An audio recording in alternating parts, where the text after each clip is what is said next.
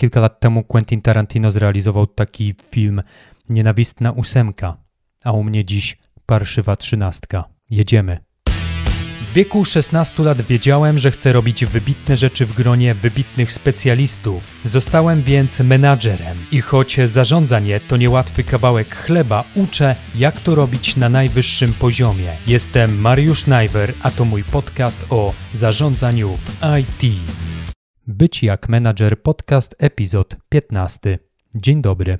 Witam się jak zawsze serdecznie. Kłaniam się nisko Tobie, drogi słuchaczu, i dziękuję pięknie, że uruchomiłeś ten podcast, że masz mnie na słuchawkach. Ja zwyczajowo przypomnę tylko, że treści na tym podcaście kieruję przede wszystkim do ludzi, którzy już są albo dopiero będą pracować w szeroko pojętej branży IT, w kadrze menedżerskiej, czy to są, czy wkrótce będą Scrum Masterami, Product Ownerami, Product Managerami albo Project Managerami.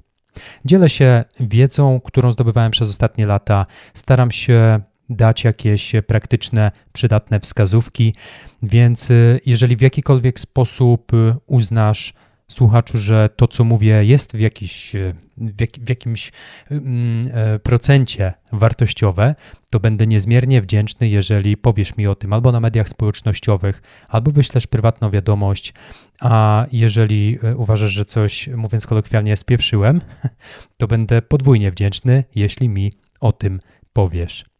Dziś temat, który już był tyle razy wałkowany, ale wciąż widzę pewną potrzebę przypominania o pewnych artefaktach kierowniczych, e, o artefaktach, które odróżniają tych dobrych od tych mniej doświadczonych, tych złych, nie bójmy się tego słowa, project managerów.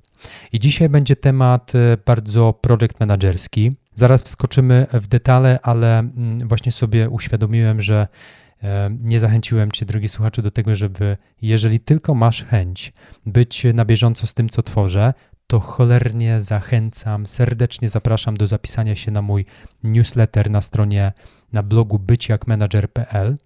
Ja nie wykorzystuję niczyich E, niczyichś danych osobowych, imienia oraz adresu mailowego do niecnych celów. Zawsze trzymam te wszystkie dane u siebie na potrójnie czy tam poczwórnie zabezpieczonych serwerach i wysyłam tylko i wyłącznie newslettery, gdy opublikuję nowy podcast albo mam jakieś fajne, praktyczne rzeczy do podzielenia się właśnie z moją audiencją. Dziś temat, który roboczo nazwałem Parszywa trzynastka. 13 błędów, których należy, a nawet trzeba unikać w zarządzaniu projektem. Nierzadko to taka ogólna opinia, nierzadko za niepowodzenia w projekcie, bo wiele projektów nie odnosi sukcesów, powiedzmy to sobie szczerze, pomimo dużego potencjału samego zespołu i samego produktu, nad którym ten zespół pracuje, wiele projektów nie zostaje dowiezionych do końca. I bardzo często za niepowodzenia wini się właśnie project managerów, tych projektów, które nie wyszły. I ja muszę przyznać bez bicia, choć wywodzę się z tej branży, że nierzadko w tym obarczaniu winą project managerów jest niestety wiele racji, chyba że project manager jest decyzyjny tylko w teorii, a w rzeczywistości ma związane ręce przez e, na przykład swojego szefa albo właściciela firmy, w której pracuje. I dzisiaj to, co chcę zrobić, to chcę z Tobą przejść przez najczęściej spotykane oraz najbardziej krytyczne błędy, przez które wysypał się niejeden projekt. Wspólnie przejdziemy przez te błędy. Ja opowiem też, dlaczego powinniśmy unikać tych błędów, jeżeli zależy nam, jako project managerom, na sukcesie i powodzeniu projektu. A dla osób, które chciałyby ze mną bezpośrednio się już poza podcastem skontaktować i pogłębić jakiś temat, niekoniecznie projekt managerski, to zapraszam do zakładki konsultacje na moim blogu. Tam jest możliwość wykupienia dla siebie na wyłączność skromnego kawałka mojego czasu, żebym mógł się przyjrzeć indywidualnej kwestii albo jakiemuś problemowi do rozwiązania. Jedźmy z tym. Błąd numer jeden to niewłaściwa osoba, która jest przypisana do prowadzenia projektu Niby banalne, niby oczywiste, ale wyobraźmy sobie, że firma, która powierza prowadzenie projektu niedoświadczonemu PM-owi, myślę, że może spokojnie spodziewać się porażki. I tutaj chcę wyjaśnić, chociaż nowicjusz może być mega łebski, może się szybko uczyć, to ten sam proces uczenia się różnych trików, różnych standardów zarządzania i właściwego właśnie zarządzania projektów, ten czas, który potrzebuje nowicjusz, żeby się naumieć pewnych e, tematów, może powodować wykolejenia w projekcie, bo nie w każdym projekcie jest czas i przestrzeń na naukę, zwłaszcza jeśli mówimy o osobie, która prowadzi ten projekt. I najlepszym możliwym posunięciem w przypadku, w tym przypadku, żeby uniknąć jakby tego błędu, to jest zatrudnianie najbardziej wykwalifikowanej osoby do prowadzenia projektu, jaką uda nam się pozyskać albo jaką już mamy na pokładzie. I za słowem, za terminem wykwalifikowana osoba kryją się zarówno umiejętności twarde, jak też miękkie. I tych miękkich, które korelują z naszym charakterem, nauczyć się najtrudniej. Pozwól, że wypunktuję. Otóż niedoświadczony PM. Co robi? Otóż często obarcza winą za niepowodzenia jakby w projekcie zespół techniczny. Rzadko przypisuje winę sobie, forsuje pewne pomysły na siłę pomimo sprzeciwu programistów. To jest częsta cecha niedoświadczonych e, PM-ów albo takich, który, którzy mają problemy ze, ze swoim ego. Co jeszcze robi niedoświadczony PM? Zaniża ogólną motywację zespołu, sam nie potrafiąc siebie zmotywować do pracy.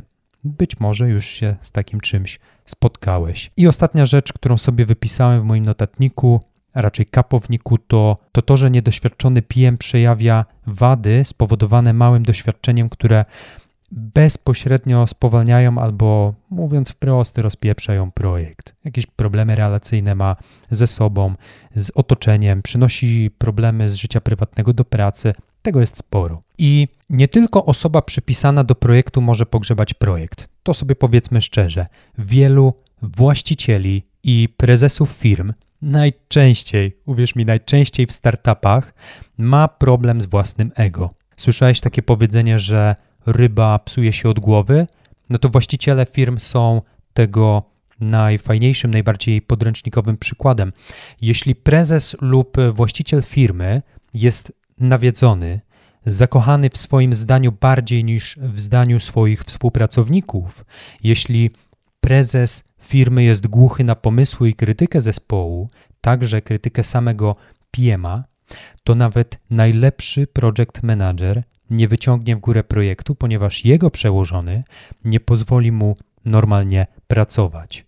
Ja sam kilka razy doświadczyłem pracy dla idiotów. To też jest mocne słowo, ale właściwe. Sam kilka razy pracowałem dla, dla takich typów i tak naprawdę jedyne, co można zrobić, co ty możesz zrobić jako project manager, to jak najszybciej spakować się i uciekać z tak toksycznego miejsca pracy. Czasem te mm, wydawałoby się najtrudniejsze, najbardziej bolesne kroki są jedynymi, które powinniśmy podjąć. Jeśli chcemy wprowadzić jakieś zmiany na lepsze w naszym życiu zawodowym. Podsumowując ten punkt pierwszy, to ten błąd pierwszy, to menadżer jest zawsze krytyczną rolą w zespole projektowym.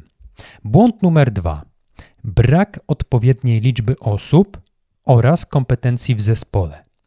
Co mam na myśli? Otóż nieadekwatne zasoby potrzebne do zrealizowania projektu mogą być powodem porażki. Niech mi wszyscy HR-owcy, jeżeli będą tego słuchać, wybaczą teraz, że mówię zasoby, bo to już podobno niemodny i brzydki termin. Sięganie po termin zasoby zamiast ludzie, ja nie ukrywam, że to jest jeden z takich moich grzechów, które popełniam świadomie, żeby przypadkiem nikt mnie nie wysłał do nieba po mojej śmierci. Także pozwólcie mi grzeszyć tak jak chcę, czasem będąc na przykład niegrzecznym.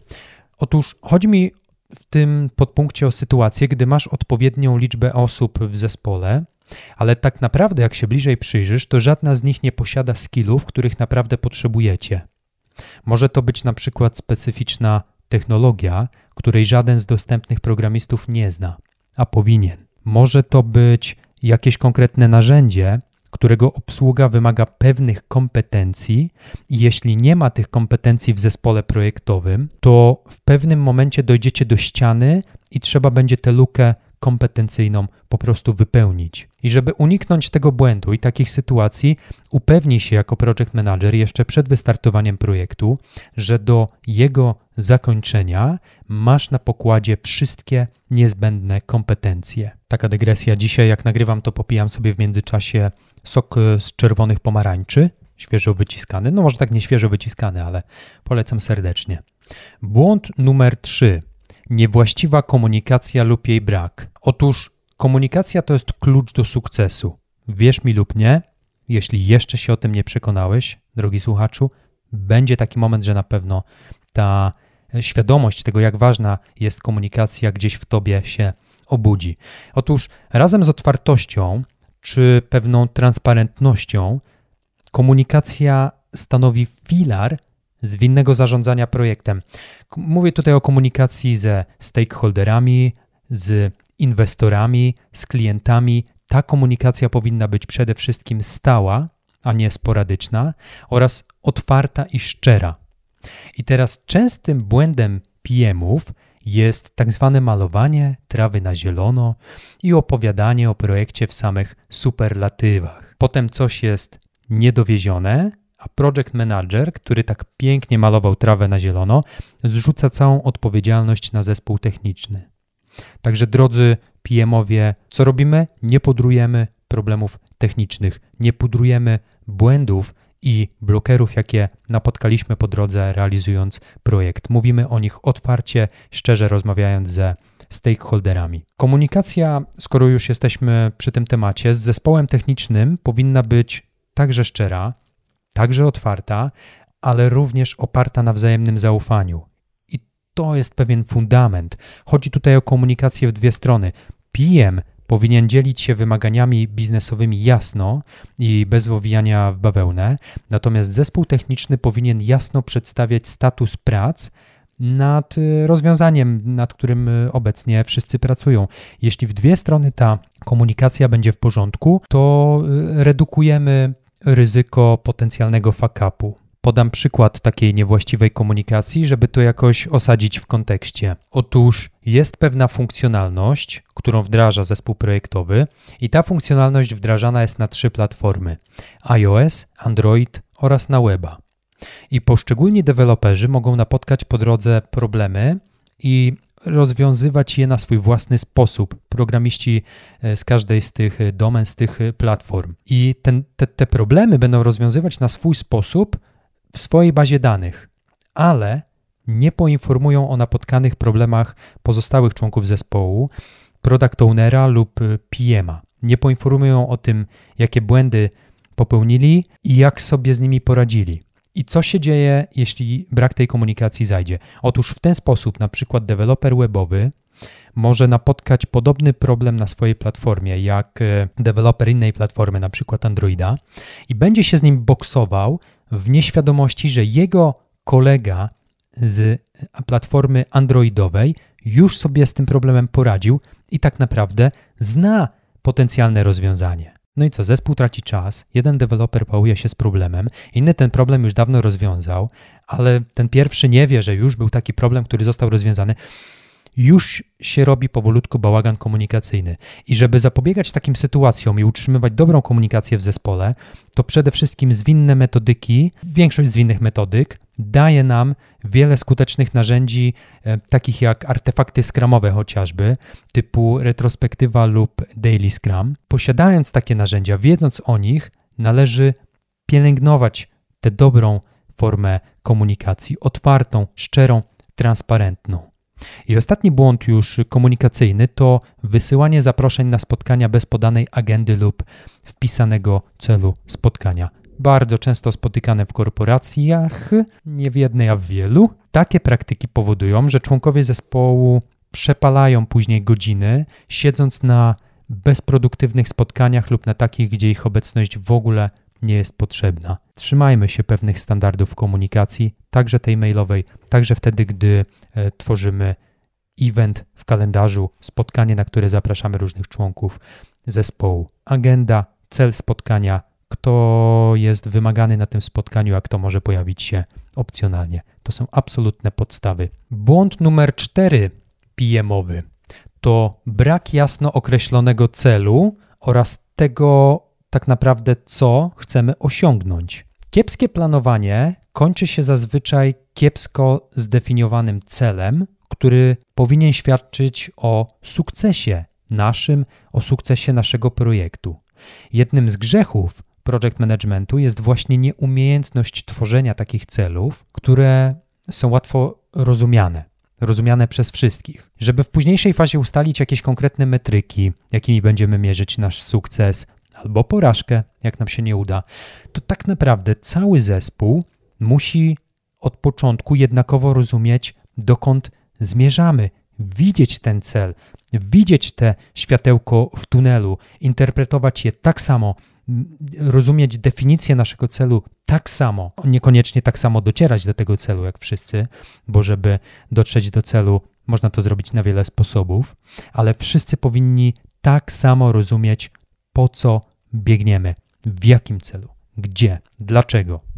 I brak takiego ogólnego poczucia celu, takiej konkretnej misji, pewnej pielgrzymki, w czasie której przejdziemy z punktu A do punktu B, może powodować kraksę. Każdy uczestnik projektu powinien wiedzieć, gdzie i po co zmierzamy. To po pierwsze, już się powtarzam, ale chcę, żeby to wybrzmiało.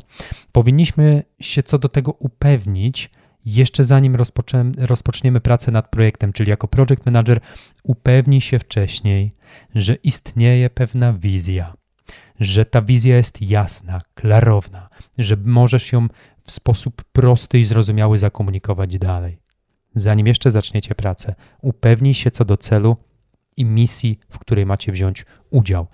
Otóż zdefiniowanie celu jest tak samo krytyczne jak zdefiniowanie odpowiednich metryk, ponieważ to metryki powiedzą nam, czy dany cel został osiągnięty. Błąd numer 5. Biegnę dziś, ale tych e, błędów jest aż 13, więc nie chcę wchodzić za bardzo w szczegóły.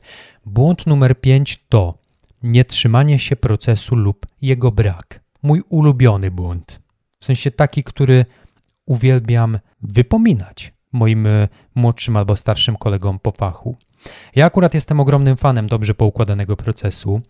Jestem też e, fanem pewnej zwinności w zarządzaniu, ale jednak w oparciu o silny, spisany w jednym miejscu i wdrożony do działania proces. I zważ na moje słowa, drogi słuchaczu, to co teraz powiem. Nawet najgorszy proces będzie zawsze lepszy niż brak procesu. Brak procesu kończy się sromotnym bałaganem projekcie.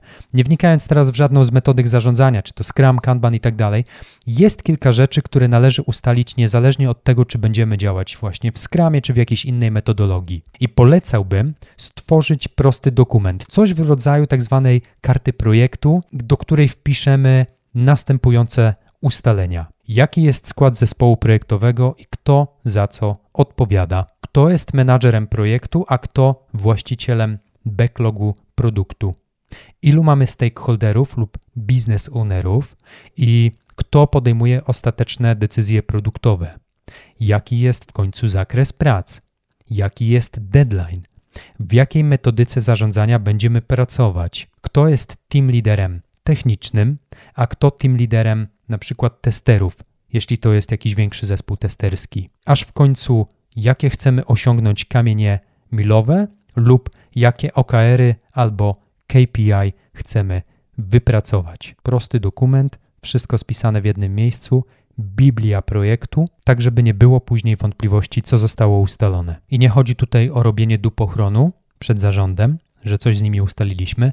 Chodzi o to, żeby wszyscy mogli zawsze zajrzeć w jedno miejsce albo osoby, które zostaną zatrudnione w trakcie realizacji projektu, żeby taki dokument był źródłem prawdy o tym, co robimy i dlaczego. I również w trakcie trwania prac, gdy rzekomo działamy w oparciu o proces, to także popełniane są błędy. Załóżmy, że działamy w skramie. Jakie błędy związane z procesem możemy popełnić?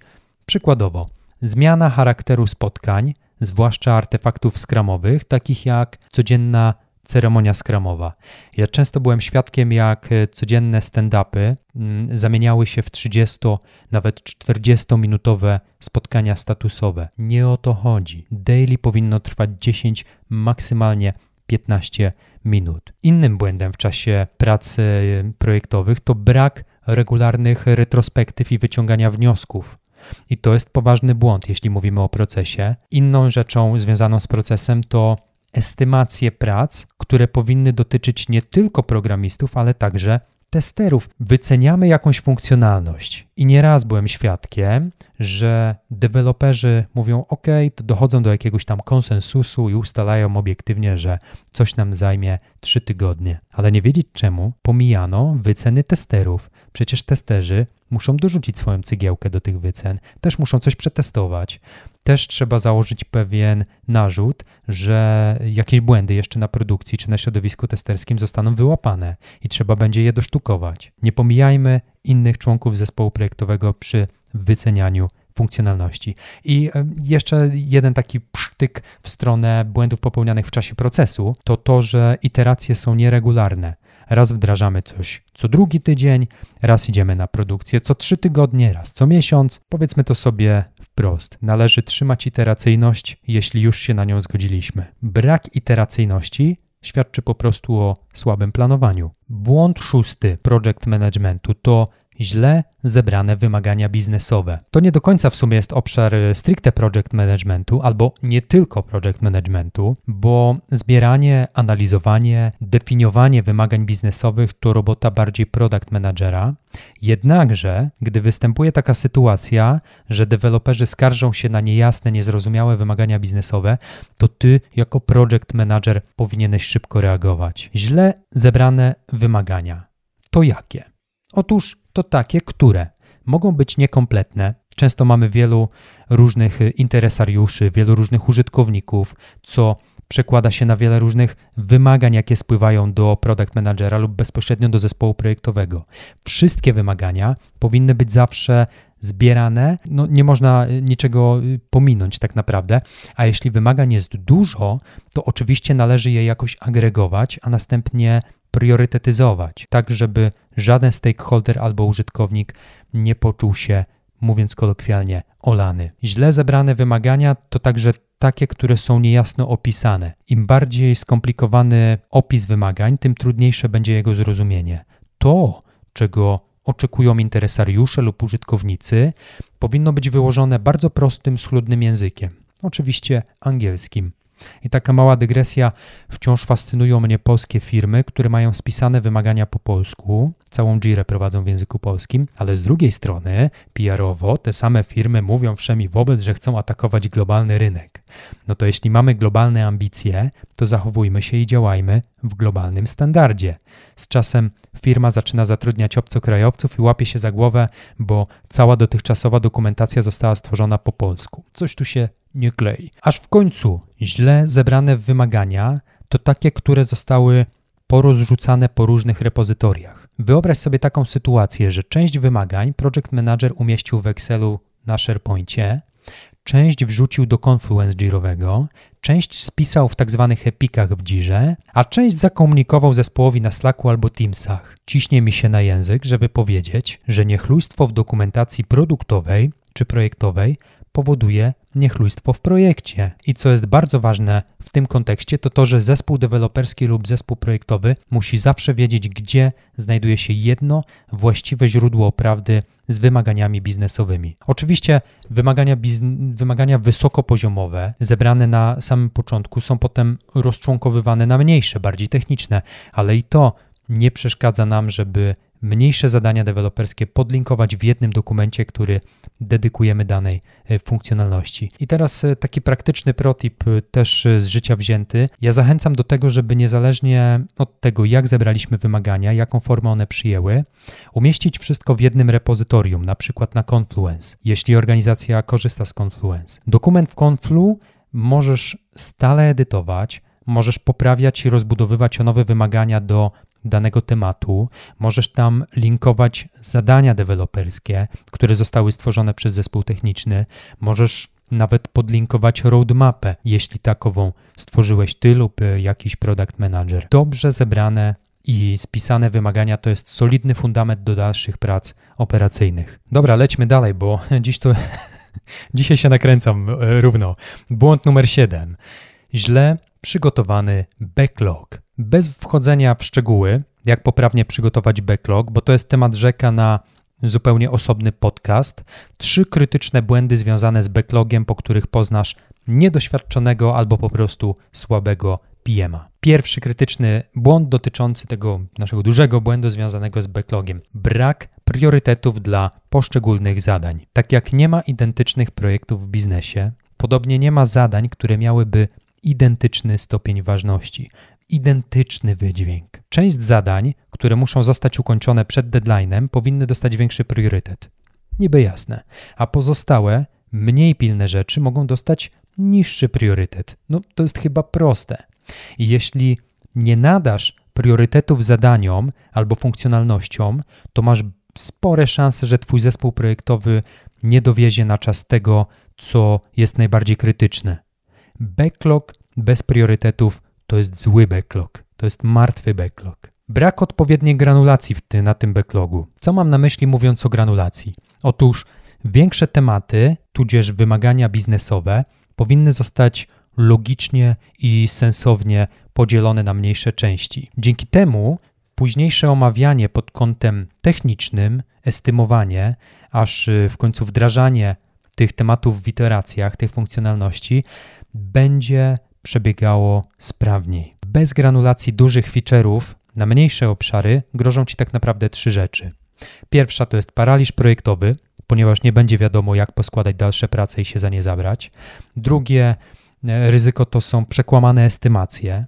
Lepiej podzielić feature i wyceniać osobno mniejsze rzeczy, a potem to sumować, aniżeli wyceniać coś górnolotnie, zbyt ogólnie bazując na ogólnym opisie funkcjonalności, bez omówionych technikaliów chociażby w podstawowym zakresie. I trzecie ryzyko to poślizgi w developmencie, niedowiezienie tematów, ponieważ w trakcie implementacji będą pojawiać się rzeczy, których nie omówiliście wcześniej i trzeba będzie robić krok w tył, zastanowić się nad poprawną logiką działania jeszcze raz, doprecyzować wymagania i dopiero potem wrócić znów do implementacji. Zobacz, ile czasu przez to tracisz, nie? Lećmy dalej, bo robi się naprawdę ciekawie. Błąd ósmy project managementu to nierealistyczny deadline. Project managerowie Najczęściej chcą, aby ich przełożeni oraz klienci byli zawsze szczęśliwi. I to jest w sumie słuszne podejście, bo od czego my, menadżerowie, jesteśmy? My mamy, mówiąc brzydko, zrobić laskę wszystkim. Jeśli klient będzie szczęśliwy, użytkownik będzie szczęśliwy, zarząd będzie szczęśliwy, to na pewno my po otrzymaniu kolejnej premii też będziemy szczęśliwi. Niestety, to jest duże niestety, sposób, w jaki niekiedy PM-owie uszczęśliwiają tych klientów, uszczęśliwiają kadrę zarządzającą, jest niewłaściwy. PM-owie sprzedają bowiem zainteresowanym stronom zbyt optymistyczne daty co do wdrożenia nowych funkcjonalności. W Polsce powiedzielibyśmy, że obiecują im gruszki na wierzbie. Terminy, którymi ty jako PM szachujesz w trakcie rozmów z klientami albo z zarządem, nie mogą być nierealne. Pamiętaj, to nie mogą być jakieś wysane z palca daty. To do ciebie, jako project managera, należy zastopowanie w pewnym momencie zapędów klientów albo zarządu, jeśli chcą ci wrzucić na timeline jakiś wysany z palca, kompletnie nierealny termin. I pamiętaj, że jeśli zaakceptujesz zbyt krótki deadline, potem będziesz się srogo z tego tłumaczył, bo nie dowieziecie tego po prostu z zespołem. Albo zespół będzie orał przez ciebie nadgodziny tylko po to, żebyście wyrobili się na czas. To mogą być naprawdę bardzo słabe konsekwencje Twojej nieroztropności w czasie prowadzenia konsultacji z biznesem. Co warto zrobić? Otóż zarządzaj świadomie i rozsądnie linią czasową projektu. Zawsze dodawaj pewien bufor czasowy do już wyestymowanych prac przez zespół, tak żeby w razie czego mieć jakiś margines, jakiś interwał czasowy na nieprzewidziane rzeczy albo różne zmieniające się okoliczności. I taka uwaga miękka do tego e, błędu z nierealistycznym deadline'em, wywieranie zbyt dużej presji czasowej na zespół projektowy skończy się brakiem zaufania zespołu do ciebie. Dlatego negocjuj rozsądne terminy. Kropka. Błąd dziewiąty. Zbliżamy się powoli do finału tego pięknego maratonu, przez który biegniemy, przyglądając się błędom project managerskim. Otóż błąd numer 9 to praca nad kilkoma projektami jednocześnie. Menadżerowie często popełniają błąd, kiedy myślą, że jak członkowie zespołu pracują nad kilkoma projektami albo rzeczami jednocześnie, to zostanie tym samym więcej zrobione w tym samym czasie. No magia! W rzeczywistości jest kompletnie na odwrót, ponieważ tak zwany multitasking spowalnia człowieka, a nie przyspiesza czyjąś pracę. Jakość prac projektowych spada, a opóźnienia powodują wąskie gardła później, także tu i tam zaczynają pojawiać się kolejne blokery w projekcie. I sytuacja, w której członkowie zespołu pracują w kilku projektach jednocześnie, to jest tak zwane, o tym się mówi, dzielenie zasobów. Kiedy na przykład y, programista backendowy pracuje jednocześnie na backendzie zespołu odpowiedzialnego za jakiś panel administracyjny oraz ten sam programista pracuje na backendzie w zespole rozwijającym jakąś nową aplikację mobilną. I wspomniany programista musi dzielić swój czas 50 na 50 w trakcie dnia, uczestniczyć w spotkaniach obydwu zespołów, musi planować swoje zadania dla obydwu zespołów, musi dowozić zadania dla obydwu zespołów i to w miarę jednakowo, a nie że na zmianę. Jego produktywność wciąż może być oczywiście wysoka, ale gdy wyobrazimy sobie, jakby było bez tego multitaskingu, to ta produktywność byłaby jeszcze, jeszcze wyższa. Ponadto komfort pracy. Przecież to także bardzo ważny aspekt naszej codzienności. Komfort pracy jest wyższy, gdy nie przeskakujemy między zadaniami lub projektami. Nie jestem i nigdy nie byłem fanem dzielenia rąk do pracy na różne projekty jednocześnie. I to był błąd numer 9. Błąd numer 10. Robi się ciekawie. Klasyka gatunku, moi drodzy. Klasyka większa niż cała filmografia Woody'ego Allena albo Tarantina już wspomnianego na początku. Błąd numer 10. Jako project manager robisz wszystko sam. I to jest klasyka gatunku, bo tu chodzi o problemy z czyimś ego.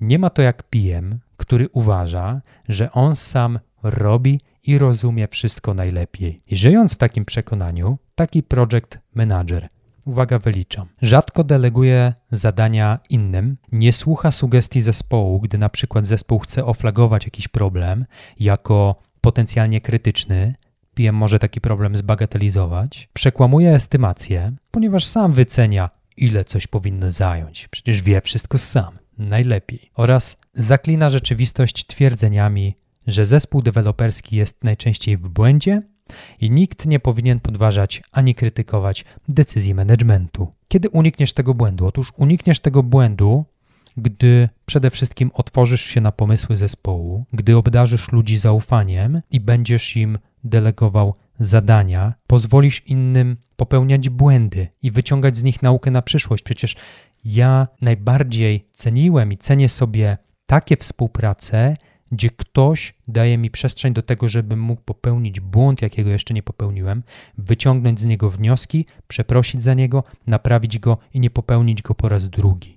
Ale ja potrzebuję takiej przestrzeni, bo wiem, że każdy człowiek popełnia błędy. Po prostu bądźmy ludźmi dla ludzi. Oraz e, trzeci e, podpunkt: unikniesz tego błędu, gdy będziesz częściej słuchał niż mówił. To akurat wiem z doświadczenia. Wiem, że nie jestem teraz wiarygodny mówiąc to, bo jako podcaster i taki nowoczesny, e, ekspresyjny gaduła raczej lubię mówić, natomiast jest bardzo wiele sytuacji, zwłaszcza gdy opowiadamy sobie nawzajem albo negocjujemy różne rozwiązania techniczne z zespołem e, projektowym. Jest wiele sytuacji, gdy warto jest milczeć i słuchać, co mają do powiedzenia inni, niż zmuszać innych do słuchania tego, co my sami mamy do powiedzenia. Błąd jedenasty to zbyt częste zmiany w wymaganiach i zakresie prac. O co chodzi? Za każdym razem, gdy zespół deweloperski ruszy z implementacją, zakres wcześniej ustalonych prac nie powinien się zmieniać. Oczywiście wymagania biznesowe powinny być wcześniej pieczołowicie opisane i dogłębnie omówione, a jeśli coś ma się jednak zmienić w trakcie developmentu, to musi za tym stać naprawdę ważny powód. Jako project manager to, co polecam, to wypracuj sobie z klientami i stakeholderami procedurę obsługiwania tak zwanych wrzutek. Co to jest wrzutka? Bardzo znane słowo, zwłaszcza w branży IT. Wrzutka to jest taka popularna nazwa zadań, oczywiście nieoficjalna, które menadżerowie dorzucają do zakresu pracy już w trakcie trwania developmentu. Dorzucają takie wrzutki. I najczęściej są to zadania, które nie zostały zaplanowane ani zaakceptowane wcześniej przez zespół projektowy. I takie coś, takie wrzutki rodzą frustrację, a czasem wręcz, nie bójmy się tego słowa, wkurwienie wśród członków zespołu i to po prostu obniża komfort pracy. Nie możesz jako PM dorzucać deweloperom zadań do sprintu, ani zmieniać zakresu prac, chyba że masz na to absolutnie solidne argumenty, ponieważ coś naprawdę nieoczekiwanego pojawiło się po drodze. Nie chcę też za bardzo idealizować e, poprawnego zarządzania, nie o to chodzi. Małe zmiany, powiedzmy to sobie szczerze, dodatkowe ustalenia czy doprecyzowanie wymagań biznesowych często bywają nieodłącznym elementem developmentu. Jeśli jednak jakakolwiek zmiana jest na tyle duża, że wpływa negatywnie na pierwotne estymacje lub na inne obszary pracy programistów, no to powinniśmy tę zmianę przeparkować na później lub przerwać e, sprint w najbardziej ekstremalnym przypadku. Błąd dwunasty. The last but not least. Zespół nie uczy się na własnych błędach. Sięgnę po najczęściej spotykany przykład ze świata metodyk zwinnych. Wyobraź sobie, że mamy zespół skramowy, który otwiera dwutygodniowy sprint. Sprint kończy się po dwóch tygodniach, a zespół, tak wyszło, nie dowozi wszystkich rzeczy, które zostały zaplanowane. Niedowiezione rzeczy przechodzą więc na kolejny sprint i zespół może je dokończyć. Nic prostszego. Ale przez zbliżający się deadline i przez dużą presję czasu zdecydowałeś wspólnie z zespołem, że tym razem pominiecie tak zwaną retrospektywę, którą według Scrama robi się na koniec każdego sprintu. Retrospektywa, chociaż podejrzewam, że już wiesz czym jest, to ja jednak przypomnę, to jest arcy ważny artefakt skramowy, dzięki któremu zespół może omówić, co poszło dobrze, a co poszło źle w trakcie ostatniego sprintu, i ten zespół może wyciągnąć wnioski, ucząc się na własnych błędach, po to, żeby uniknąć podobnych błędów w przyszłości. I tutaj, jako że zespół w naszym przykładzie nie dowiózł wszystkich zaplanowanych rzeczy w dwa tygodnie, to aż prosi się o zrobienie retrospektywy. Natomiast przeskakiwanie retro, ponieważ zespół chce nadgonić e, dług techniczny i chce wygrzebać się z tego długu, e, długu sprintowego, to jest błędne koło. Ty, jako project manager, lub jeśli mówimy o Scrumie jako product owner, powinieneś zawsze dbać o to, aby z każdą iteracją zespół miał możliwość przyjrzeć się własnej pracy, omówić własne błędy i wyciągnąć z nich własne odpowiednie wnioski. I doszliśmy do końca naszego peletonu.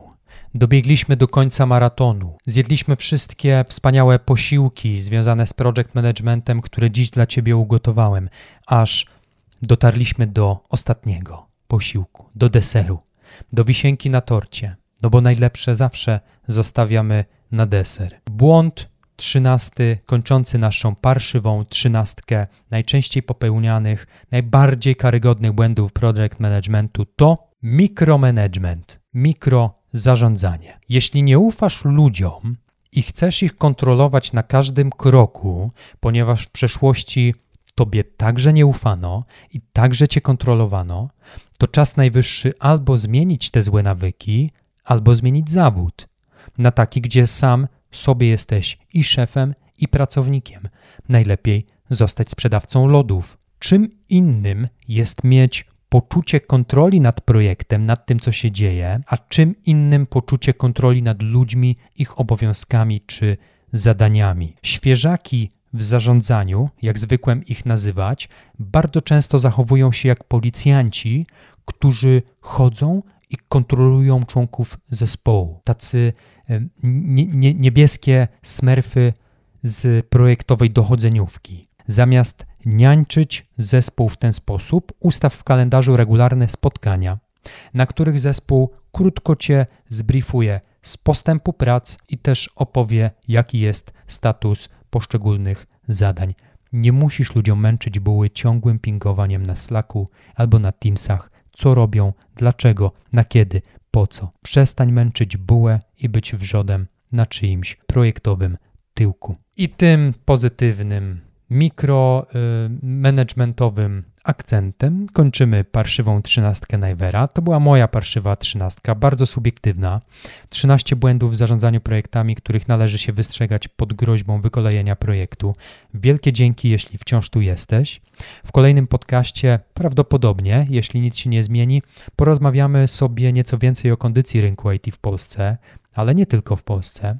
Jeśli jest coś, czego chcesz się dowiedzieć w kontekście poszukiwania pracy jako PM, Product Owner, Scrum Master czy Analityk, to możesz zostawić swoje pytania w sekcji komentarzy pod tym podcastem na moim blogu byciakmanager.pl. Zachęcam raz jeszcze do zapisania się na newsletter. Jeśli chcesz być na bieżąco z newslettera, można się w każdej chwili wypisać, także nic nie tracisz, a zyskujesz okazję, żeby otrzymać ode mnie osobisty, intymny list prosto na swoją skrzyneczkę.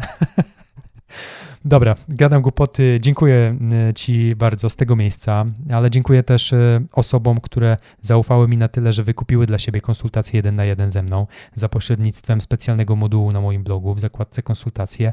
Fajnie jest wiedzieć, że nie tylko ja się rozwijam jako podcaster i pewien coach menadżerów, ale także, że Ty się rozwijasz dzięki tej mojej wariackiej podróży po krainie zarządzania w IT. Życzę samych najlepszości. Dbaj o siebie i innych. Cześć.